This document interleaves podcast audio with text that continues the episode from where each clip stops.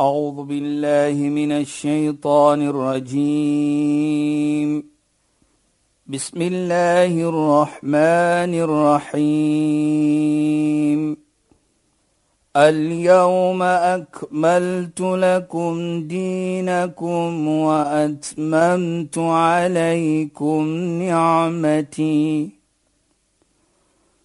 وأتممت عليكم نعمتي ورضيت لكم الإسلام دينا صدق الله العظيم Assalamu alaykum wa rahmatullahi wa barakatuh. Dit is so lekker om met u te gesels. My naam is Shahida Kali. Julle luister na die program Islam in Fokus en ek gesels met Sheikh Dafir Najjar en baie baie opgewonde want ons praat oor Hajj. Assalamu alaykum en baie welkom by die program Sheikh. Wa alaykum assalam wa rahmatullahi wa barakatuh. So luisteraars, ons is in die dae van Hajj, die spesifieke dae wanneer mense die Hajj uitleef, die pelgrimstog, wanneer hulle op Muna is of sommige mense sê Mina en mense is op verskillende plekke, sommige mense is in Mekka, maar daar's 'n dis 'n belewenis en mense is besig en mense is opgewonde is, en daar is miljoene mense, is, almal is daar om dieselfde rede. So Sheikh praat met ons 'n bietjie. Kom ons vat dit net terug na Arafah.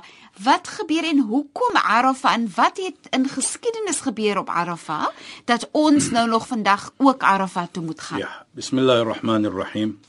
Alhamdulillah wassalatu wassalamu ala rasulih sallallahu alayhi wa sallam wa ala alihi wa sahbihi ajma'in wa ba'd. Assalamu alaykum wa rahmatullahi ta'ala wa barakatuh in goeienaand aan ons geëerde en geliefde luisteraars. Nou eerste Shaida, die dag van Arafah, waar die heilige profeet sê volgens Islam is dit die grootste, die heiligste dag in geskiedenis van ons as 'n geloof. Waar hy sê ma min yawmin afdalu 'inda Allah min yawm Arafah. Daar is nie 'n beter dag, 'n heiliger dag by Allah nie as die dag van Arafah. Nou wat is Arafah en hoekom is dit die naam genoem Arafah? Volgens sommige geskiedkundiges is dit die dag ons weet almal die geskiedenis van profeet Adam en Sayyidatina Hawa. Nou net vir die uh luisteraar sê, kyk net Dis Adam en Eva, Ja, nee, Adam en Eva, maar kyk net hoe mooi sien ons dit. dit. Ons kyk die woord Adam, uh, hy kom van Adim. Adim bedoel klei, stof. Nou Adam, soos ons weet, is van stof. Stof. Kullukum min Adam wa Adam min turab. Heilige profeet sê, almal van julle is van Adam en Adam is van stof. En daar kom die woord Adam en sy naam was profeet Adam. Dit is die rede hoekom sy naam Adam is. En ons kyk Hawa kom van die woord haya wat lewe is. Nou wat bedoel dit? Hoekom is dit so genoem Hawa? Volgens my verstaaning is dat sy was dan geskapen van profeet Adam. En daarvoor Adam was van klei, van stof. Hy is Adim. En sy was geskapen van profeet Adam wat 'n lewendige persoon was. En daarvoor is haar naam Hawa. Kyk net hoe mooi is dit met die name ook. Wel, ek dink ook 'n bietjie verskillend, Sheikh. Ek wil dit nou byvoeg. Ja, Toe Sheikh nou sê wel Adam is van stof. ja. En Hawa is van van Adam, lewe. van lewe, Hawa ja, is van lewe. En wil ek net sê dat 'n vrou bring pragtige lewe in die lewe van 'n man. Natuurlik is ja, dus, maar wat Sonder haar kan hy nie lewe kan nie. ons niks maak nie, sê hy daar. Ons kan niks maak nie. so is hier wel 'n verskil nie is wat die mooiheid van alles dit is dat Ja. Allah subhanahu wa ta'ala vir ons iets leer hier. Dat Allah het vir ons geskapen van een siel en dit is die siel van profeet Adam. En mens natuurlik kom van daardie een persoon en dan natuurlik sy vrou Hawa. Nou kyk ek praat maar net van die naam nou soos ons sal sê hoekom Adam en hoekom Hawa. Dan sal ons sien dit is volgens geskiedenis natuurlik is dit nou wat hoekom die twee die daardie name het. Mm -hmm. En ons weet die geskiedenis dan dat hulle twee was in die hemel in Jannah in paradys. Maar soos Allah dit nou wil hê, is hulle twee nou uit die hemel uit, uit paradys uit, uit Jannah uit. En natuurlik hulle het gekom op die aarde. En Arafah is die plek wat hulle mekaar ontmoet het. En kom van Arafah means om te ken. So hulle het daar mekaar weer kon leer ken na hulle gewees het saam in die hemel. Nou kyk net hoe mooi Shahida. Ons weet natuurlik die rede hoekom was dit. Allah het vir hulle twee gesê, hulle moet nie naby kom daar 'n sekere boom en daarvan eet nie. ولا تقرب هذه الشجره فتكون من الظالم moenie naby daar gaan nie wat bedoel moenie gaan eet van daardie boom nie en as jy dit doen gaan jy wees van die mense wat nie gehoorsaam is vir Allah subhanahu wa ta'ala nie so natuurlik die shaytaans die duiwel het ingekom en gesê hala adullukum ala shajaratin khuld moet ek vir julle wys na 'n boom as julle daarvan eet nie gaan julle vir ewig lewe nie nou kyk net die natuur van mensheid dan die natuur van mens is hy wil vir ewig lewe nou, kyk net wat sê die duiwel. Die duiwel sê toe vir profeet Adam en sê te na Hawa moet ek nie vir julle lei na iets? As julle dit gaan eet gaan julle vir ewig lewe nie. Dit is verleiding wat uh, Satan en Met ander woorde, hy sê die almagtige Allah wil hê julle moet eet van daardie sekere boom nie want dan gaan julle vir ewig lewe. Maar Allah subhanahu wa ta'ala en sy wysheid het vir hulle gesê julle moet nou nie daar eet nie. Soos ons weet die storie daar. Maar wat belangrik is vir my hier Saida, is 'n gebed wat profeet Adam gemaak het toe hy Arafah toe gaan. Toe hy binnekom Arafah, soos ons sê op die bordes van Arafah, op die grense van Arafah. Toe maak hy 'n gebed wat ons dagliks maak, 'n gebed van erkenning van ons tekortkominge wat ons het. 'n Gebed wat ons almal ken uit ons hart het as moslim. Anfusana wa in lam taghfir lana wa tarhamna lanakunanna min al-khasirin. O ons Heer, ons het onreg aan ons gedoen. Kyk hoe mooi sê hy. Nou wat vir my 'n belangrike punt is hier uh Shahida en luisteraars. Hy het nie net gesê o my Heer nie. Ek het onreg gedoen aan myself nie. Maar hy sê o ons Heer. Nou hy nie net alleenlik praat terhalwe van homself en sy vrou nie, maar ook hy praat terhalwe van ons almal, want dit is 'n gebed wat elke pelgrim persoon wat die pelgrimreis onderneem, wat dit sê soos hulle inkom by Arafah, soos hulle inkom by die plek wat ons net sê Arafah. Nou die bedoeling van daardie gebed is so 'n erkenning van my, my tekortkominge, my erkenning van mens wat swak is, met die erkenning van mense die dieselfde krag wat Allah het. Nie. Vir my hou dit ook in die woord van Arafah. Ja. Die erkenning van om bewus te word daarvan om te sê dit is wat dit is om dit te kan sien om duidelikheid te kry daaroor en dit natuurlik saam kennis vir kennis. Ja, ja, en dit saam te smelt met jy word onderdanig daai hele proses van ek vra om vergifnis. Ja. So vir my daai hele Arafah is is 'n hele is 'n proses wat 'n mens ondergaan in daai erkenning, in daai arafa, in daai om te weet. Nou as jy kyk Shaida, byvoorbeeld wat jy nou daar sê, nou gaan jy in by Rabbana zalamna. O ons Heer, ons het ons onreg aangedoen. Wa in lam taghfir lana in as u nie vir ons gaan vergewe nie. Wa tarhamna in as u nie vir ons genade gaan toon nie. Wat gaan ons wees? Lanakunanna min al-khasirin dan gaan ons wees van die verlore mense. Kyk net daardie die erkenning daar en jy bewys dat jy 'n swak mens is en dat jy nou sê dat ja Allah, U is die allerhoogste by daardie gebed.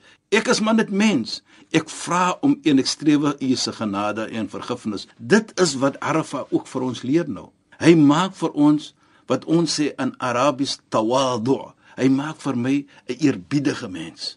Want ek weet nou, kyk, as jy kom na mens, as jy kom na Allah en jy erken dat ja Allah, ek kan nie op hierdie wêreld lewe nie voordat ek U se vergifnis kry opreg nie of U se genade nie. Jy erken ek is swak en Allah is die almagtigste. So dan doen jy en jy implementeer daardie tauhid, daardie eenheid van Allah wat Allah toekom, die krag wat Allah het. En jy erken dit dat hy is die Heer. Jy implementeer la ilaha illallah. Daar is geen ander ilah om te aanbid nie as maar net Allah. So alles dit saam dan word gesê daardie oomblik. Nou as jy kom met so 'n gebed, met so 'n manier van eerbiedigheid, hoe kan jy weggaan van Arafah sonder om te kry wat jy gegaan het voor? En en dit is hoekom dit vir my so inhou in terme van Arafah is die feit dat dit raak en dit hou in 'n absolute proses van 'n mens in terme van ek erken my tekortkominge, ja. die eerbiedigheid wat daarmee saamgaan, die waardering vir Allah se goedheid vir my en om om vergifnis te kan vra om te besef hoe afhanklik ek is Op van al- Allah al- se se vergifnis om my lewe te kan verryk en waarde aan my lewe te kan gee. So dis vir my 'n ontsettende mooi proses wat daar dan afspeel as 'n mens toelaat dat dit jou hart betrek. Natuurlik. Sy da kyk dit vat dit terug. Soos ons sê, ons het verlede week gepraat of die week voor dit van die ihram. Kyk net as jy jou ihram aantrek. Is 'n vorm ek noem dit 'n transformation wat plaasvind. Die transformasie wat plaasvind van 'n materialistiese lewe na 'n spiritual life toe.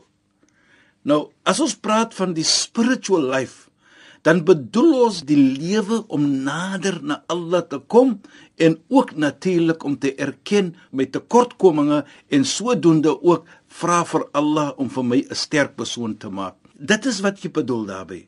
Want dit is die rede hoekom almal dieselfde lyk. Almal dieselfde uniform, dieselfde ihram. Daar is nou nie verskil nie, want almal moet sê Rabbana zalamna anfusana. Almal gaan dit deur.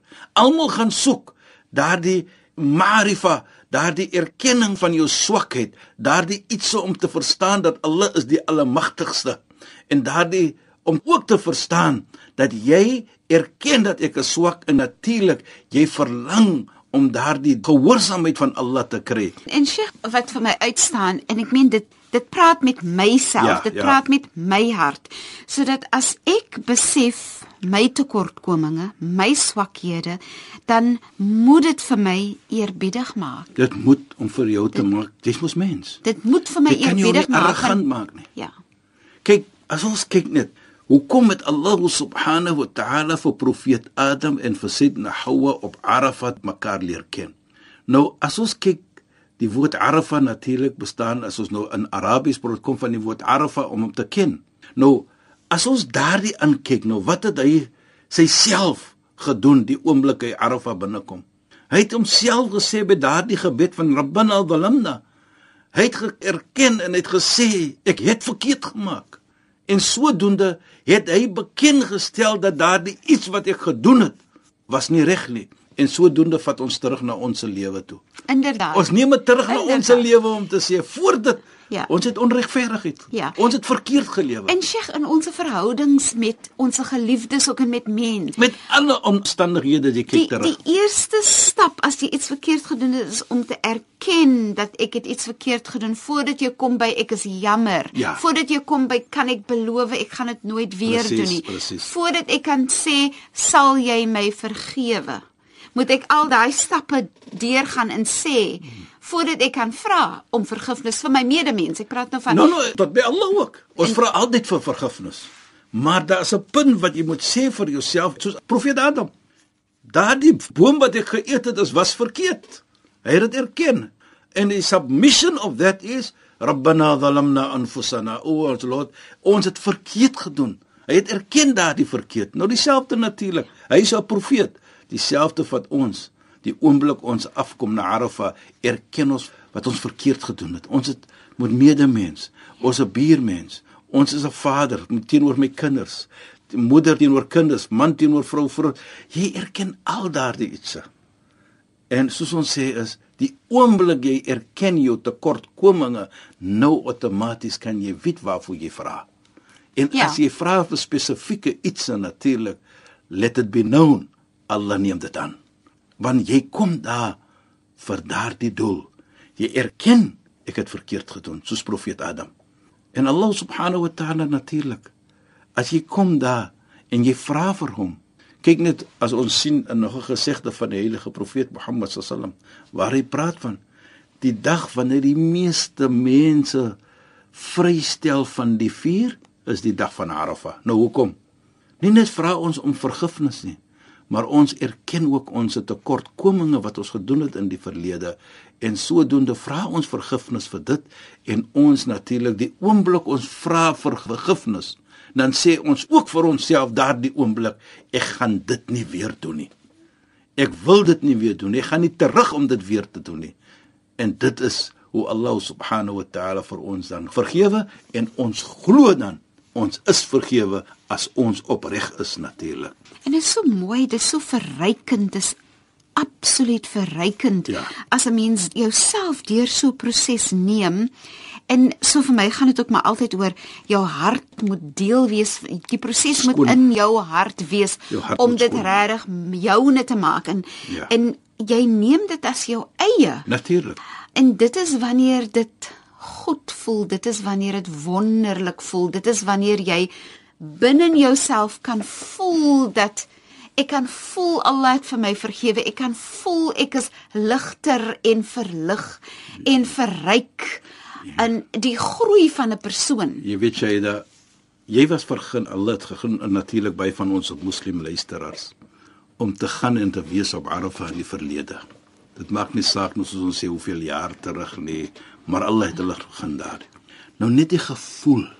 Daardie gevoel toe die oomblik ons gaan na Arafah en die gevoel as ons terugkom, uitkom uit Arafah uit nadat dit nou klaar is is twee verskillende gevoel vir my. Dit is hoe ek dit sien.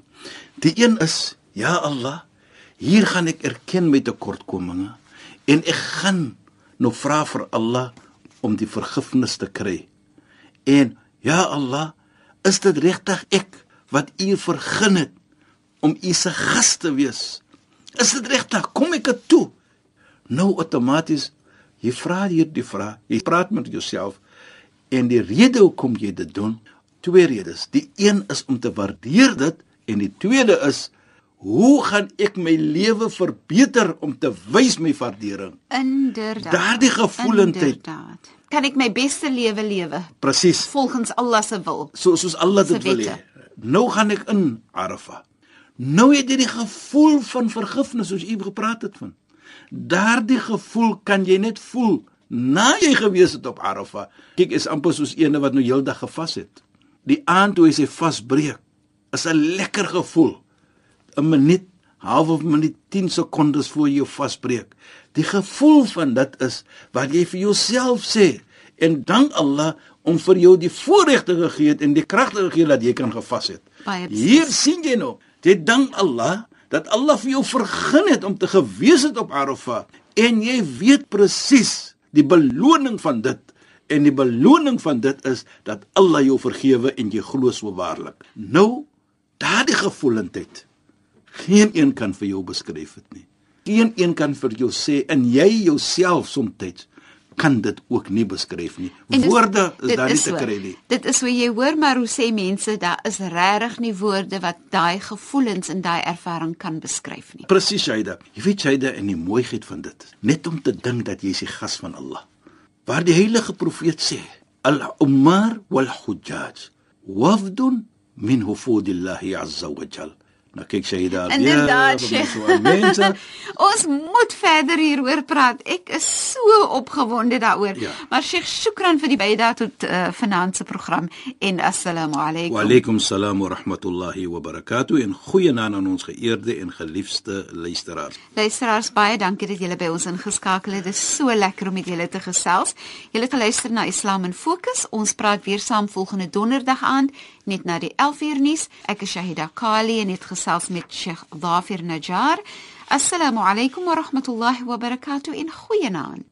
أعوذ بالله من الشيطان الرجيم